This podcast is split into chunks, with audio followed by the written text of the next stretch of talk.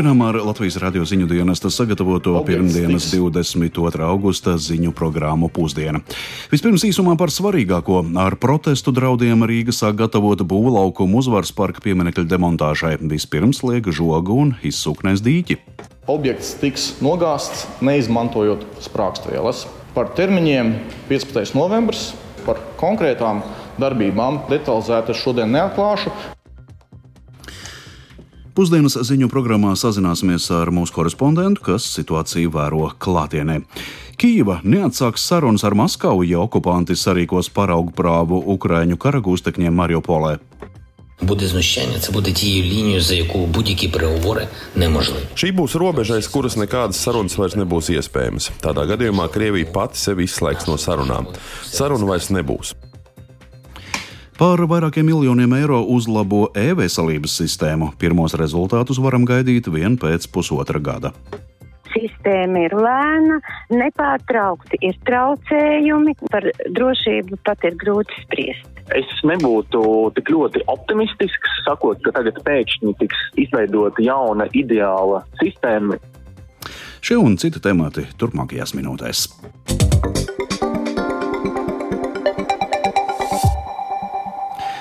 Rīgas doma šorīt uzvaras parkā sāka gatavoties padomju pieminiekļa demontāžai.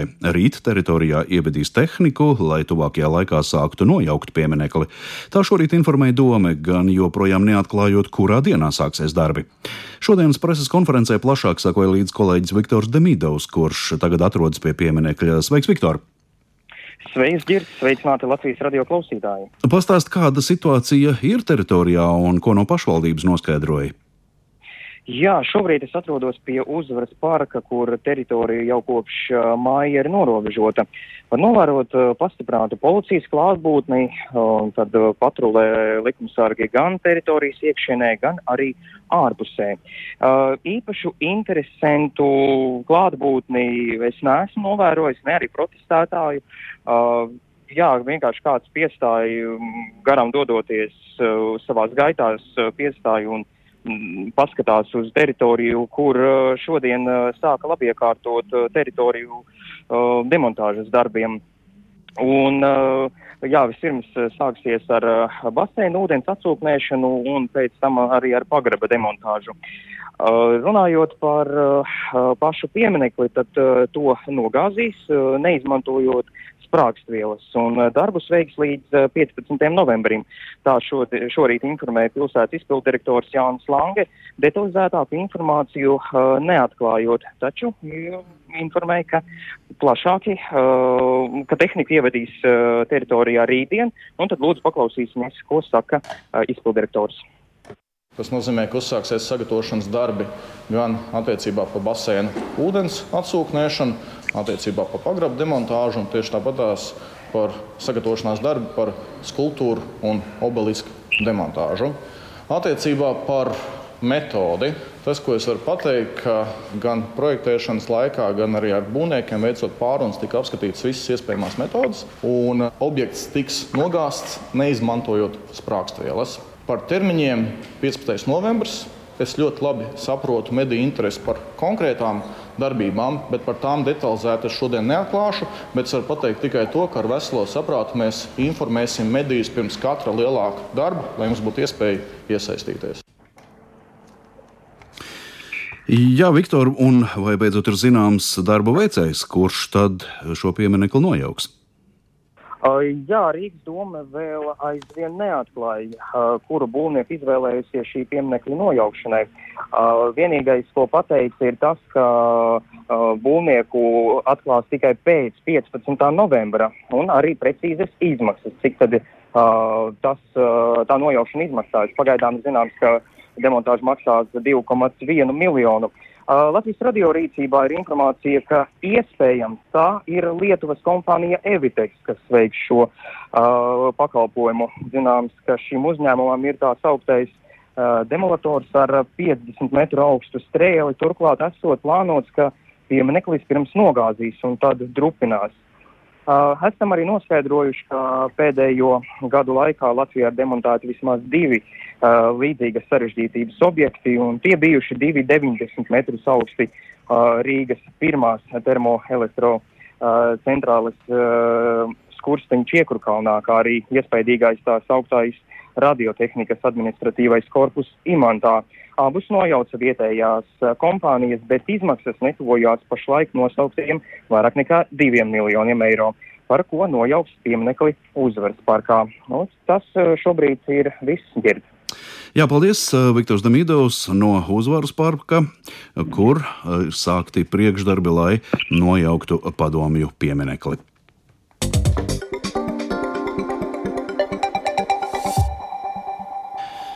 Kara Ukrainā 180. diena ir sākusies ar jauniem Krievijas raķešu uzbrukumiem apdzīvotajām vietām. Ukrainas amatpersonas brīdina, ka uzbrukumi var pastiprināties, jo šonadēļ valsts atzīmēs neatkarības dienu. Ukrainas prezidents Valdemirs Zelenskis paziņoja, ka Kijeva neatsāks diplomātiskās sarunas ar Maskavu, ja okupanti sarīkos paraugprāvu Ukraiņu karagūstekņiem Mariupolē. Frontē nav vērojams būtiskas izmaiņas, jo Krievijai trūks dzīvā spēka. Vairāk stāsta Tuldis Česbērs. Harkivas, Mikolaivas, Dņipropetrovskas, Zaporīžas un Donetskas apgabalī aizvadītajā naktī pieredzējuši kārtējās Krievijas raķešu apšaudes. Mikolaivā apšaudes rezultātā aizdegās kafejnīca, postījumi nodarīti arī kāda uzņēmuma infrastruktūrai, nav ziņu par cietušajiem. Ņipropetrovskas apgabalā intensīvus aviācijas raķešu un artilērijas triecienus piedzīvojuši Nikopoles, Krivīrihas un Sineļņikovis rajoni. Ir nopostītas vairākas dzīvojamās mājas, ievainoti vismaz četri civiliedzīvotāji. Donetskas apgabalā apšaudēs nogalināti vismaz divi cilvēki. Amatpersonas brīdina, ka šonadēļ Krievijas raķešu uzbrukumi varētu pastiprināties, jo Ukraina rīt atzīmēs karoga dienu, bet parīt neatkarības dienu. Ukrainas prezidents Volodimirs Zelenskis vakar vakarā paziņoja, ka Kīva ir informējusi ārvalstu partnerus par Krievijas plāniem šajā nedēļā. Šodien jau runāju ar prezidentam Makronam par šī zagrozījumu. Президент Туреччини Ердоган також поінформований. Šodien es runāju ar Francijas prezidentu Emmanuelu Makronu par visiem draudiem. Arī Turcijas prezidents Erdogans ir informēts. Esmu pārliecināts, ka reaģēs arī ANO ģenerālsekretārs. Viņi un citi pasaules līderi ir saņēmuši atbilstošus signālus no mums. Visi visu saprot. Viņi saprot, ko okupanti dara un ko tie apdraud. Un viņi saprot, ka Ukraina to necietīs. Україна не стане цього терпіти. Ir izskanējusi informācija, ka 24. augustā, kad Ukraina atzīmēs brīvības dienu Krievijas okupācijas spēki Marijupolai plāno sarīkot paraugu prāvu sagūstītajiem metalurģijas kombināta Azovstaļa aizstāvjiem. Zelenskis brīdināja, ka gadījumā, ja šāda prāva notiks, tad Ukraina nevarēs sēsties pie sarunu galda ar Krieviju. Šī būs robeža, aiz kuras nekādas sarunas vairs nebūs iespējamas. Tādā gadījumā Krievija pati sevi izslēgs no sarunām. Sarunu vairs nebūs. Mūsu valsts visu ir pateikusi. Mēs nepieļausim ņirgā ņirgāšanos par cilvēkiem, par kuriem var teikt tikai vienu. Viņi ir savas dzimtenes varoņi. Viņi aizstāvēja savas tautas brīvību no iebrucējiem savā zemē. Від загарбників на своїй землі. Ukrainas prezidenta administrācijas padomnieks Mihailo Podaļaks prognozē, ka kaujas spējīgu karavīru trūkuma dēļ Krievija drīzumā varētu piedāvāt uguns pārtraukšanu un diplomātisko sarunu atsākšanu. Arī Lielbritānijas militārie izlūkdienesti savā jaunākajā ziņojumā norāda, ka Krievijai pietrūks dzīvā spēka, lai varētu turpināt kara darbību Donbasā. Tāpēc komandieri ir spiesti apsolīt finansiālus labumus, lai motivētu savus padotos doties kaujas operācijās. Problēmu sāsina arī fakts, ka Krievija oficiāli nav pasludinājusi karu pret Ukrainu, tāpēc ir ierobežotas valsts iespējas likumīgi piespiest pilsoņus doties karot. Savukārt ASV Kara izpētes institūta eksperti uzskata, ka Krievija diez vai spēs sakopot pietiekami daudz resursu, lai tuvākajos mēnešos gūtu kādus ievērojamus teritoriālos panākumus Ukrainā. Joprojām satraucoša situācija ir Krievijas karaspēka kontrolētajā Zaporīžas atomelektrostacijā. Vakar vakarā šo jautājumu telefons sarunā apsprieduši Lielbritānijas, ASV, Francijas un Vācijas līderi. Viņi uzsvēra nepieciešamību rūpēties par Zaporīžas atomelektrostacijas drošību un atbalstīja ideju par starptautiskās atomenerģijas aģentūras ekspertu nosūtīšanu uz spēkstaciju. Ulris Česberis, Latvijas radio. Eiropas Savienībā norisinās aktīvas diskusijas par aizliegumu izsniegt turistu vīzas Krievijas pilsoņiem. Vairākas valstis, tostarp Latvija, šajā jautājumā jau pieņēmušas savus lēmumus un aicina lemt par šādiem soļiem visas Eiropas Savienības līmenī. Tomēr atsevišķu valstu vadītāji joprojām nesniedz skaidru atbildi vai arī iebilst vīzu aizliegumam. Viedokļus šajā jautājumā plašāk aplūkoja Rihards Plūme. Krievijas atpūtnieku izmantotās Schengenas vīzas, kas derīgas 26 valstīs, tostarp Šveicē un Norvēģijā, parasti personai ļauj uzturēties līdz 90 dienām 180 dienu periodā. Šīs valstis pagājušajā gadā saņēma aptuveni 3 miljonus Schengenas vīzu pieteikumu. Vairāk nekā pusi veidoja pieteikumi no Krievijas pilsoņiem un tikai 3% viņu pieteikumu tika noraidīti. Krievijas iebrukuma Ukrainā dēļ vairākas Eiropas Savienības dalībvalstis vairs neizsniedz vīzas Krievijas pilsoņiem, arī Latvija. Kaimiņos esošā Lietuva bija viena no pirmajām Eiropas Savienības dalībvalstīm, kas ierobežoja Schengenas un nacionālo vīzu izsniegšanu Krievijas pilsoņiem. Tikmēr Igaunija no pagājušās ceturtdienas aizliegusi iebraukšanu valstī Krievijas pilsoņiem, kuriem ir Igaunijas izsniegta Schengenas zonas vīza, kā arī ierobežojusi vīzu izsniegšanu Krievijas pilsoņiem. Arī Somija no septembra Krievijas pilsoņiem izsniegs ievērojami mazāk turistu vīzu, un Somijas premjere Sanna Marina ir viena no valstu vadītājiem, kas mudinājusi arī citas valstis pārstāt izsniegt turistu vīzas Krievijas pilsoņiem. Somijas pilsēta Lapenranta izrāda solidaritāti Ukrainai vairākās vietās pilsētā ikdienu atskaņojot Ukrainas himnu. To dzird arī daudzie Krievu turisti, kas pilsētā ierodas.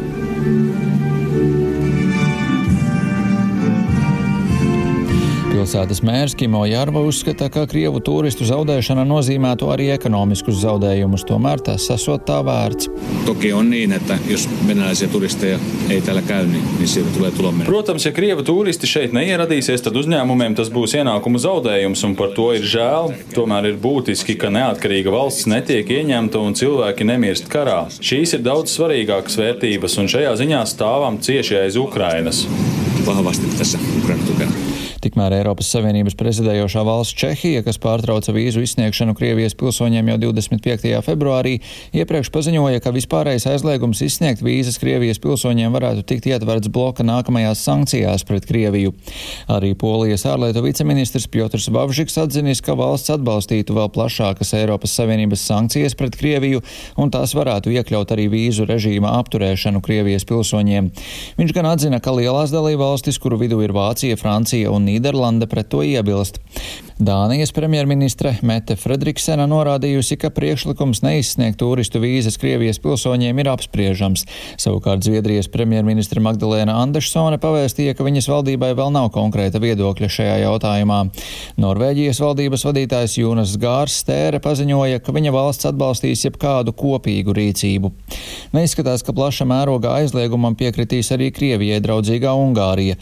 Pozitīva nostāja pašlaik neizskan arī Eiropas dienvidos, arī. Portugāle atbalstu līdz šim nav paudusi, tāpat kā nostāju nav ieņēmusi Grieķija. Eiropas komisija atzinusi, ka politiskā un tehniskā līmenī notiek diskusijas ar dalībvalstīm, lai noskaidrotu, vai varētu panākt koordinētu pieeju, taču grūti noprast, cik atbalstoša ir pati komisija un cik reāli to ir panākt. Tas, vai par Eiropas Savienības mēroga aizliegumu izdosies vienoties, varētu tapt skaidrs augusta beigās, kad sanāksmē Prāgā par to runās dalībvalstu ārlietu ministri. Rihards Plūme, Latvijas radio. Radio.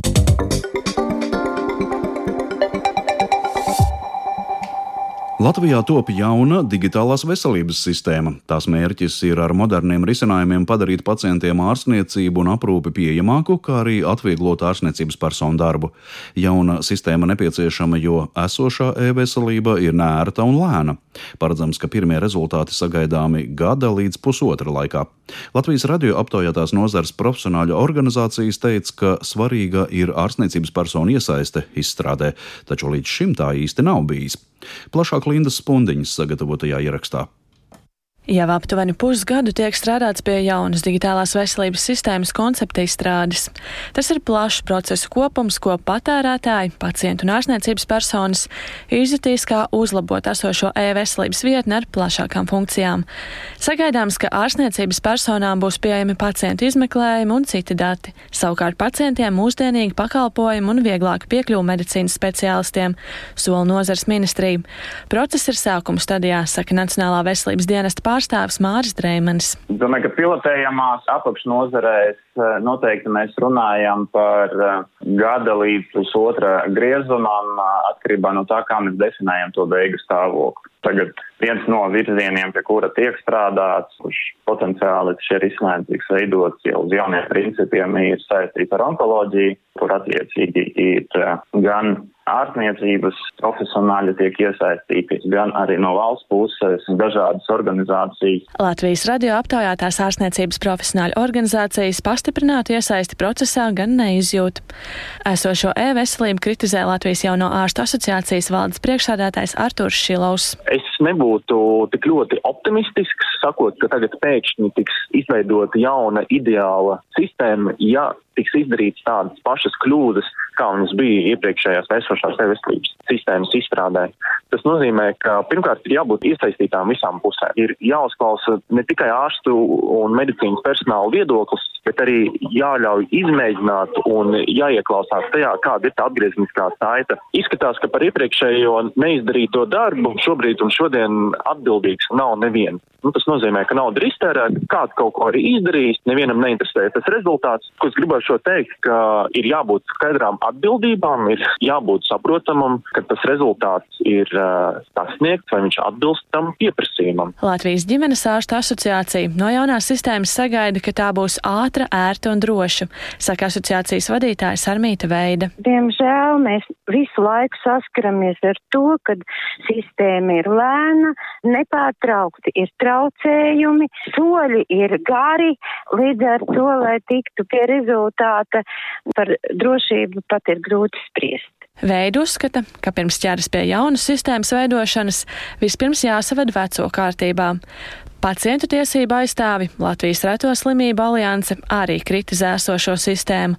Alianses valdes priekšsādātāja Baiba Ziemela uzskata, ka veidojot jauno sistēmu jāuzklausa pacientu intereses. Kā pacientu organizācijas mēs ministrijai principā pēdējos desmit gadus vismaz esam regulāri iesnieguši priekšlikumus, kā uzlabot esošo sistēmu un kādi dati ir nepieciešami, kādi reģistri ir nepieciešami un kā tas viss ir jāsaliek kopā, lai tas strādātu pacientu un valsts interesēs bet uh, es nevaru apgalvot, ka mēs tur esam iesaistīti pilnībā, jo pagaidām man nav informācijas ne par to, kādas aktivitātes notiek, ne kas tur kādi projekti, kā tas viss virzīsies uz priekšu, tikai tik, cik mēs izlasam mēdījos, tik mēs arī zinām. Digitālās veselības sistēmā šobrīd plānots ieguldīt līdz 3 miljoniem eiro, savukārt turpmāko trīs gadu laikā caur atvesļošanās un noturības mehānisma Eiropas finansējumu vēl 4,2 miljonus eiro datu pārvaldības sakārtošanai. Linda Spundiņa, Latvijas radio. Jaunās digitālās veselības ekosistēmas izstrādē jāiesaista nozars pārstāvi, tā norāda arī Latvijas Informācijas un komunikācijas tehnoloģijas asociācijas prezidente Signa Bāliņa. Risinājumam jāatbilst laikam ejošām prasībām, kā arī ar tā izstrādi nedrīkst kavēties, kā tas notika ar e-veselību, teica Bāliņa. Ar viņu sarunājās Linda Spundiņa. Mēs pašlaik runājam par sistēmu, kas tika plānota tālajā, jau tālajā 2007. un 2008. gadā, un kas tika realizēta nu, arī jau ļoti, ļoti ilgu laiku atpakaļ. Un, protams, ka jebkurai sistēmai viņai ir visu laiku jāattīstās. Bija zināmas kļūdas, kas bija pieļautas jau varbūt izstrādājot šo sistēmu, un ir laiks jaunai sistēmai, jaunai nomaiņai. Kādas ir galvenās kļūdas, kuras veidojot jauno sistēmu nevajadzētu pieļaut? Nu, katrai sistēmai ir kaut kādas jaudas, kaut kādas noslodzes, pie kurām viņi ir rēķinātas, un es pieļauju, ka tie novērtējumi ir pārāk zemi, teiksim, tiem apjomiem, kas mums ir nepieciešami. Un tad ir jautājums, nu, kādā veidā un ko var darīt, lai to mainītu, lai to uzlabotu mūsdienās izmanto mākoņu risinājums, kur viens no šiem iemesliem ir tieši tas, lai Tādā gadījumā, ja sistēmā ir kāds pārslodzes, ja ir daudz lietotāju kādā vienā laikā, lai šīs jaudas var dinamiski palielināt un lai nebūtu šīs problēmas, ka sistēma nestrādā. Jo, protams, kad viena no problēmām ar esošo e-veselību. Viens ir varbūt šī funkcionalitāte, bet otrs ir, protams, lai šī sistēma strādātu. Neviens cits kā ārsts tik labi nezina, kas ir nepieciešams ārstam, teiksim, ārsts šeit digitālajā darba vidē, un arī tāpat tās māsas, medmāsas vai slimnīcas administrācijai. Un man šķiet, ka iepriekšējā sistēma veidojot bija pārāk maza sistēmas galveno turētāju iesaiste. Šajā prasību definīcijā šī sistēma varbūt vairāk balstījās uz normatīvo vidi, mazāk uz tiem procesiem, uz tiem reālajiem procesiem, nu, kādi viņi ir. Tā vēl viena lieta, ka tad, kad esošā e-veselības sistēma tika izstrādāta, tas, kā tās sistēmas izstrādāja, ka tur gadiem definēja prasības, tad nodefinēja prasības, un tad bija jāizstrādā sistēma, kur, kur tieši atbilst prasībām. Varbūt arī pat tādā situācijā, ja dzīvē kaut kas ir mainījies un dzīvē nepieciešams kaut kas cits. Pašlaik šī pieeja, kā informācijas sistēmas tiek veidotas, ir kardināli mainījusies. Tā vairs nedrīkstētu darīt, ja mēs tur ilgi definējam, un pēc tam mēs vēl ilgāk to visu izstrādājam, tad, kad mēs piegādājam, tad vairāk īstenībā dzīve ir mainījusies. Daugopils plāno būvēt jau otru ar šķeldu kurināmo katlu māju un pārējās katlu mājās dabasgāzes vietā izmantot sašķidrināto gāzi. Dome palielinās pilsētas siltumtīkla uzņēmuma pamatkapitālu un sniegs garantiju vairāk nekā 20 miljonu eiro lielam aizņēmumam. Plašāk Silvijas smagars ierakstā. Vēl līdz šī gada janvārim 95% nepieciešamās siltumenerģijas Dāngāplī nodrošināja ar dabasgāzi. Tas bija tā saucamās pārējais uz zaļo enerģiju vēlās līmenī nostādījums. No tas tiek mainīts primāri Dāngāplī atsakoties no privātās obligātās iepirkuma komponentes OEK klātbūtnes siltumenerģijas ražošanā. Tas svarīgi drošības nolūkā, saka Dāngāpils domas vadītājs Andrēs Augsniņš no Saskaņas partijas. Daugopils īsteno vērienīgus eh, enerģētiskās drošības pasākumus un uh, Šobrīd galvenokārt, kas ir izdevies, ir samazināt privāto siltumenerģijas ražotāju esamību Daugopils siltumtīklos no 45 līdz 50%, respektīvi pat 30% mazāk. Valsts kontrole jau 2016. gadā norādīja, ka privāto komersantu esamība siltumtīklos pēc būtības nenodrošina ilgtermiņā gan tarifa stabilitāti, gan arī piegādātās siltumenerģijas drošumu. Un enerģētiskā krīze Daugopilī ir tieši tā iemesla dēļ, ka privātie dēļ lielām dabasgāzes cenām atteicās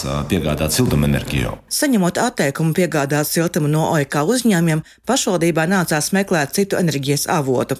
Tā tapa pirmā Dāngāpils pilsētā šķeldas katlamāja ar labu enerģijas jaudu, stāsta Dāngāpils siltumtīklu uzņēmuma izpildirektore Oļiesa Duškeviča. Vasarā mēs vispār tagad strādājam tikai ar šķeldu. Mums paliek tikai mazajās katlamājās gāze. Ziemā no tā, ko mēs ražojam paši, vidēji pusi mēs ražosim ar uh, šķeldu, un tad tā atlikusi puse tā ir dabasgāze, daļu kuras no mūsu kopējā saražota aptuveni 25% mēs pārvērtīsim uz sašķidrinātu naftas gāzi. Lai tas notiktu, Dagāpils doma pieņēma lēmumu par 1 miljonu eiro palielināt Dagāpils siltumtīklu pamatkapitālu.